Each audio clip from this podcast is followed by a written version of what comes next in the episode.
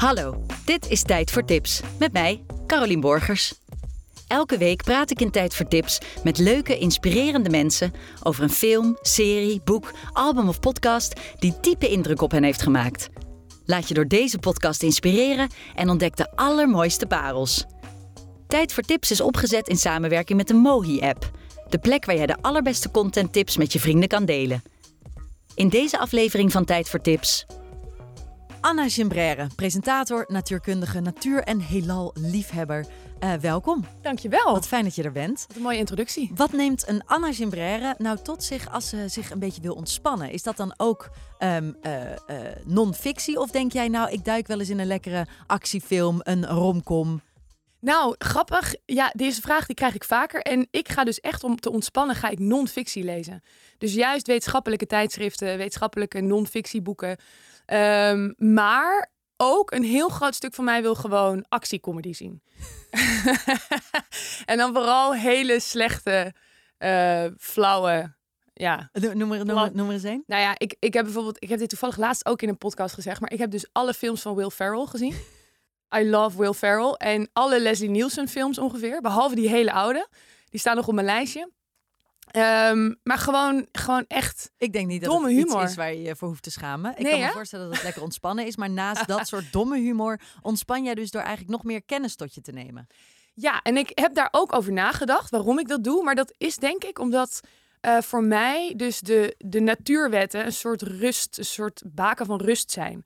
Dus ik vind eigenlijk de wereld best wel chaotisch. Ik vind de maatschappij best wel chaotisch. Ik vind politiek heel onlogisch en moeilijk te volgen en ook soms zonde van mijn energie. En als ik dan weer naar die natuurwetten ga, dan is de wereld opeens heel duidelijk en helder en nog steeds magisch. Eigenlijk voor mij bijna magischer, omdat ik denk al die natuurwetten die ons gevormd hebben uh, in de evolutietheorie, maar ook, ook, ook in onze psyche, uh, die zijn eigenlijk super bijzonder. En ik vind het dus, ik, ik besteed dus gewoon met liefde mijn tijd eraan om dat te begrijpen. Omdat ik daar eigenlijk al zoveel verwondering in vind. Dat ik ja, bijna meer ontspan dan wanneer ik een, een, een emotioneel drama lees in een boek. Waar ik eigenlijk alleen maar, weet je wel, ondaan van raak. Ja, dus een meditatie zou voor jou zijn gewoon wat natuurwetten op je oren en dan rustig oh, in en uitademen. Heerlijk, ja. Anna Gimbrère, je hebt twee tips voor ons meegenomen. Uh, beginnen met de eerste tip, het vrouwenbrein. Ja. Een boek. Je hebt twee boeken trouwens meegenomen, maar dit is het eerste boek. Ja. Um, waarom heb je dit boek meegenomen? Nou, ik ga heel eerlijk zijn. Dit boek was ik gewoon nu aan het lezen. Heel eerlijk. Maakt helemaal niet uit. En, uh, uh, en ik heb soms een beetje discipline nodig. Dus ik dacht, als ik nou, ik was halverwege. Ik dacht, als ik nou tegen jou zeg dat we dit boek gaan gebruiken, dan moet ik hem uitlezen. Ik voel me niet gebruikt. Nee. En, um, maar het is ook omdat ik, ik denk wel, zeg maar, het brein is iets dat mij enorm fascineert. En Iris Sommer is de schrijfster en dat is een, uh, een neurowetenschapper en psychiater. Nou, ik vind haar gewoon een briljante vrouw. Um, en ik ben ook wel echt geïnteresseerd in uh, wat zijn nou die verschillen tussen het mannen- en het vrouwenbrein. Hebben wij het ook vaak over. Uh, hoe, hoe kan je gender, zeg maar, hoe, in hoeverre zit dat biologisch in je, in hoeverre is dat aangeleerd? Uh, en daar gaat dit over. En ik moet zeggen, het leest niet per se heel makkelijk weg voor iedereen die niet heel erg geïnteresseerd is in wetenschappelijke mm -hmm. uh, formules en foutmarges en zo.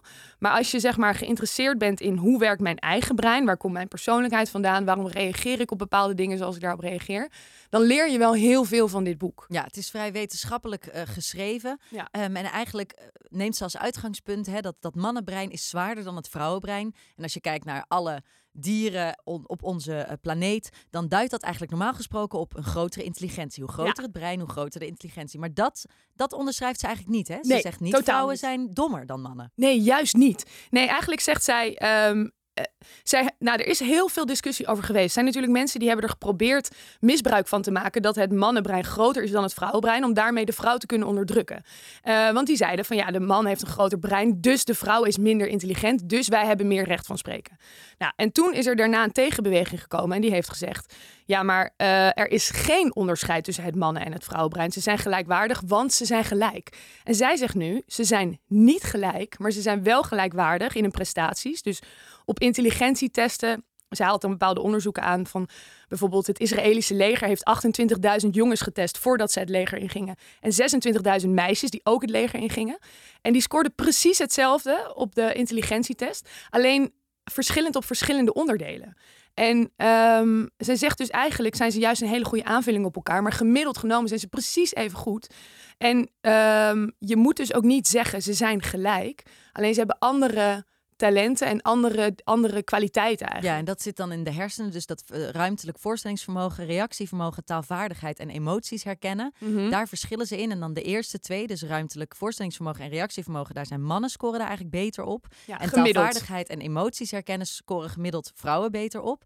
Maar zij er- eh, erkent eigenlijk ook dat je dat wel kan trainen. Ja, ze erkent ook dat je dat kan trainen. En vooral, grappig genoeg, die mannelijke kwaliteiten, die kan je makkelijker trainen. Dus het is makkelijker voor een vrouw om die mannelijke kwaliteiten tot zich te nemen. Gewoon met puur 10 uur gamen bijvoorbeeld. 10 uur gamen in een soort 3D-wereld. Eh, nou ja, wat heel veel jongens heel veel doen eh, als ze jong zijn. Eh, daarmee kan je dus je ruimtelijke ordening en je ruimtelijke inschattingsvermogen al heel goed trainen. Maar het herkennen van bepaalde emoties is veel moeilijker om te trainen. Dus bijvoorbeeld waar vrouwen goed in zijn, is bijvoorbeeld het herkennen van angst of onzekerheid. Mannen schijnen dus beter blijdschap te herkennen. Vind ik heel grappig. Eh, ook als ik kijk naar mij en mijn vriend, dan denk ik, die, ziet altijd, die is altijd vrolijk. En ik zie altijd overal onzekerheden en angsten bij mensen. Dus het zegt wel iets, maar, maar die, het herkennen van emoties is veel moeilijker, omdat het veel genuanceerder is. En dat heeft ook weer iets te maken met hoe het vrouwenbrein schijnt te werken. Dat een vrouw heeft minder hersencellen, minder zenuwcellen, maar veel meer verbindingen tussen al die cellen. Dus het maken van verbindingen, dus ook tussen verschillende ideeën, verschillende hersengebieden, ehm, dat is makkelijker voor een vrouw gemiddeld dan voor een man. Ja, en dat ruimtelijk inzicht, eh, wat mannen dan eh, daar ja, wat een, een voorsprong op hebben, zou ik maar zeggen, eh, dat uit zich ook uiteindelijk heel vaak in studiekeuzes. Hè? Als je kijkt naar wat jongens en meisjes kiezen als ze op de middelbare school zitten. Jij studeerde theoretische natuurkunde. Ehm, was je volgens dit boek, was jouw brein daar eigenlijk wel geschikt voor? Volgens dit boek heel erg, ja. Nou, grappig genoeg heb ik dus uit dit boek ook een beetje mezelf beter leren begrijpen. Want, want ze zeggen inderdaad wel, vroeger was het dus heel erg genderstereotyp. eh dat meisjes verzorgende eh, studies gingen doen. Eh, en mannen inderdaad meer met spullen. Mannen schijnen meer georiënteerd te zijn op objecten van nature. En, en vanuit die biologie is het dan logischer dat een vrouw een intermenselijke taak op zich neemt en een man een meer objectieve taak. Maar binnen vrouwen en mannen zijn er natuurlijk ook nog verschillen te onderscheiden in, in bijvoorbeeld hoeveel testosteron maak je aan.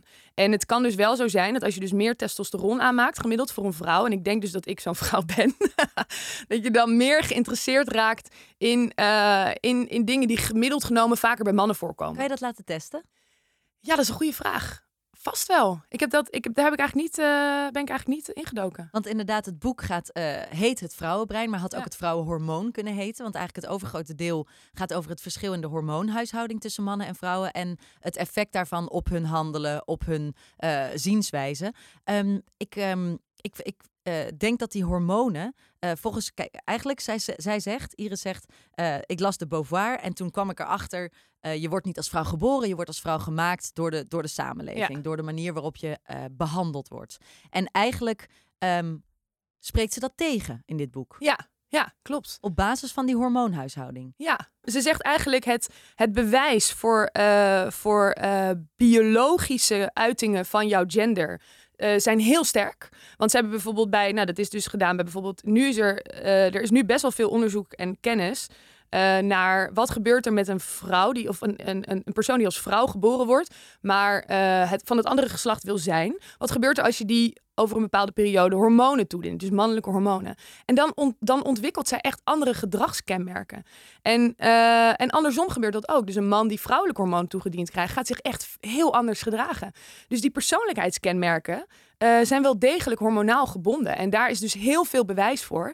Terwijl onderzoek dat laat zien hoe bijvoorbeeld eh, de, de, de opvoeding en de maatschappij en de stereotypering tussen mannen en vrouwen. eh, als die verschilt per cultuur. Nou, daar hebben ze dus ook alle wereldwijde studies. Dus van India, China, Zweden, Nederland. Nou, noem maar op. Al die verschillende culturen, die hebben ze bij elkaar gelegd. En daaruit bleek dus dat juist die stereotyperingen bij iedereen ongeveer evenveel voorkwamen. Dus dat, dat suggereert dat die eh, opvoeding toch een veel minder grote impact heeft dan, dan we eigenlijk altijd dachten. Ja, of dat we natuurlijk een globaler eh, eh, ons ontwikkeld hebben en eenzijdiger dan we misschien hopen Ja. of denken. Ehm, dat is eigenlijk een best wel mooie overeenkomst met bomen bijvoorbeeld. Het is ook een heel groot, ingewikkeld geheel. En jouw volgende tip, The Hidden Life of Trees, gaat daarover. ja. Dit is ook een boek. Wanneer las je dit? Uh, dit heb ik niet zo lang geleden. Nou, ik ben hier denk ik een jaar geleden mee begonnen. Toen had ik een periode dat ik alleen maar werkte en geen tijd had om te lezen. En toen heb ik het deze zomer weer opgepakt. Uh, en, toen, en toen deze zomer uitgelezen. Dus dit heb ik een paar maanden geleden uitgelezen. Peter Wolleben. En wat voor boek is dit? Nou ja, dit is een boek en, en dit leest iets makkelijker weg. Dus voor de mensen die uh, niet per se heel lekker, uh, heel graag wetenschappelijke boeken lezen, dit kun je echt, dit leest, vind ik, meer als een roman. Um, maar het gaat ook over, over wetenschap en over, nou, over de, uh, de ontdekkingen die deze man doet. Hij beheert een bos en hij ontdekt eigenlijk hoe die bomen met elkaar communiceren en hoe die zich eigenlijk veel meer gedragen als een gemeenschap dan als een individu. En dat ontdekt hij naar, ja, nadat hij wat langere tijd in dat bos leeft en met die bomen leeft en ze heel goed observeert. En dan krijgt hij, ontwikkelt hij heel veel respect eigenlijk voor die bomen. En, en hij ontdekt eigenlijk ook hoe weinig we van bomen weten. En daarom heeft hij dit opgeschreven, omdat hij het gevoel had van, volgens mij gaan we op de verkeerde manier met bomen en bossen om. Uh, en moeten we daar eerst veel meer van weten. Maar kunnen we daar meer van weten? Want bomen hebben een veel langer leven dan mensen. Ja. Dus in een in one mensen lifetime kan je helemaal geen bomen lifetime volgen. Nee, nee, dat klopt. Maar je kan natuurlijk wel uh, verschillende bomen van verschillende leeftijden naast elkaar leggen. Dus je kan bijvoorbeeld een eik van 10 jaar naast een eik van 100 jaar, naast een eik van een paar honderd jaar leggen. En dan en die verschillen met elkaar vergelijken. En in, in hele oude of oerbossen, daar kan je die verschillen nog beter zien. Want dan zie je ook de verschillende taken die ze dus binnen het bos vervullen. En, uh, en dat is precies een van de dingen die hij aanhaalt. En waar, die ik dus ook heel belangrijk vind eigenlijk aan dit boek, is dat uh, wij zijn nu heel erg geneigd om bossen te kappen en opnieuw aan te planten. Maar daarmee houden we dus geen rekening met de, uh, de natuurlijke drang van een boom om verschillende leeftijdscategorieën in één bos te hebben en dus verschillende taken op zich te nemen.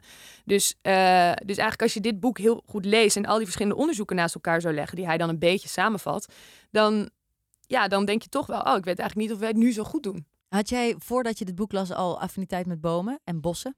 Ja, ik vind, ik heb dat wel, maar ik had het meer vanuit uh, gewoon een soort instinctieve uh, behoefte aan groen. En um, ik, ik weet dat ook wel. Ik heb ooit wel onderzoeken gelezen die, die beweerden dat um, bijvoorbeeld uh, een, een, een, patiënt in een ziekenhuis sneller herstelt als hij uitzicht heeft op groen. Dus uitzicht op een boom. En dat mensen die gemiddeld meer omringd zijn door bos of park, dat die minder snel geneigd zijn tot uh, tot sombere gedachten of zo. En dat die vaak meer rust ervaren. En dat heeft denk ik te, ma te maken met onze biologische aanleg. Dat wij gewoon opge ja, geëvolueerd zijn in bossen. Dat bossen zorgen voor beschutting. Ze staan voor vruchtbaarheid. Uh, ze staan voor koelte. En voor, voor een heleboel dingen die belangrijk zijn voor het menselijke overleven. Maar dat, dat was eigenlijk alles wat ik met bomen had. En door dit boek ben ik wel meer gaan kijken naar een boom als een... Naar, naar eigenlijk een bos als een soort uh, bewustzijn bijna. Het is bijna een microsamenleving. Ja. Zou je ook denken dat het een voorbeeld is van hoe mensen met elkaar zouden moeten leven? Um, ik denk eigenlijk dat er al heel veel overeenkomsten zijn. En ik denk dat bomen ook, net als mensen, ook heel hard kunnen zijn. dus bijvoorbeeld, ik merk dat ik dan ook mijn uh, emotionele projectie ook op bomen botvier. In die zin dat dan vertelt je op een gegeven moment dat een... Ja, nou weet ik dus het, het Nederlandse woord voor beach niet. Wat is een beach? Weten jullie dit? Een beach? Ja, het is een, een, soort boom. Dus ik dacht eerst berk, maar het zou ook een beuk kunnen zijn. Volgens mij is het een beuk. Ik ga, ik ga het even voor je opzoeken. Huppakee. Ja. Een beach. Een strand, Anna. nee, dubbel E. Life's a beach. Life is a beach. Een beach. Een beuk. Een beuk, ja. oké. Okay. Nou, dus hij vertelt dan dat uh, eiken worden gezien als grote, krachtige, sterke bomen. Maar als er een, een beuk dus naast groeit, dan is die beuk al geneigd om al het licht van die uh, eikenboom af te pakken. Waardoor die eik uiteindelijk verschrompelt en, uh, en allemaal stressreacties krijgt. Maar ja, die, die legt het dus af tegen de beuk. Dus dan heb je weer het survival of the fittest. Eigenlijk wat we hier in onze maatschappij ook heel vaak hebben. Dat, ja, dat mensen graaien, weet je wel. Net als, en bomen graaien dus net zoveel. Hmm. Ook naar water, naar voedingsstoffen en naar licht in hun geval. Um, dus en... we zouden bomen niet moeten knuffelen. We zouden ze even, even, heel, even... heel streng toe moeten spreken. Ja, nou ja, maar ik, ik, ik ja, en, uh, maar ik denk wel dat waar we wel van kunnen leren is dus uh, bijvoorbeeld het respect voor ouderdom. Uh, bomen kunnen namelijk echt honderden jaren oud worden. Ik geloof olijvenbomen zelfs duizenden jaren. En, uh, en oude bomen vervullen dus echt hele belangrijke taken in het bos. zoals het naar binnen halen van grondstoffen die voor die jonge boompjes weer heel belangrijk zijn en die zij zelf niet kunnen produceren.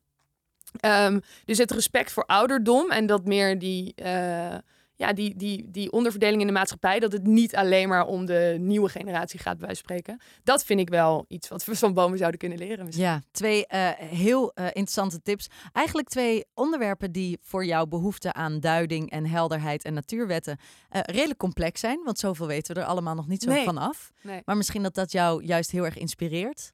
Ja, zeker. En, en, en ik denk dat wat mij ook heel erg inspireert is toch het, en dat is denk ik wat ze overlapt, is het concept van netwerken. Dus een brein is een soort netwerk van allemaal kleine En de wortels van een boom zijn netwerken. Ja, de wortel Ook- van een boom zijn inderdaad een netwerk. Die worden verbonden dan door schimmeldraden. En die wisselen daarmee informatie uit en, en voedingsstoffen. En, en eigenlijk kunnen die dingen niet zonder elkaar. En ik denk dat misschien is dat dan wat ik hierin vind. Is dus het, het behoefte, de behoefte aan samenhang. Ja, en mocht je nou denken, nou ik heb niet, eh, als ik al het vrouwenbrein heb gelezen, geen zin om nog een keer een boek te lezen. The Hidden Life of Trees ook op Netflix nu, een documentaire. Ja, Dus die kan je daar ook kijken. ik heb hem nog niet gezien. Dus ik zal hem je niet aanraden op basis van... Nee, jij raadt maar- in ieder geval nu twee boeken aan. Het Vrouwenbrein en The Hidden Life of Trees. Eh dankjewel, Anne Jembrere. Graag gedaan. Voor nog meer tips luister je volgende week weer naar Tijd voor Tips. Of check je de mooie app, met daarop nog meer inspiratie. En mocht je nou zelf een waanzinnige aanrader hebben, laat me dat dan weten door een mailtje te sturen naar tijdvoortips.mooi.app.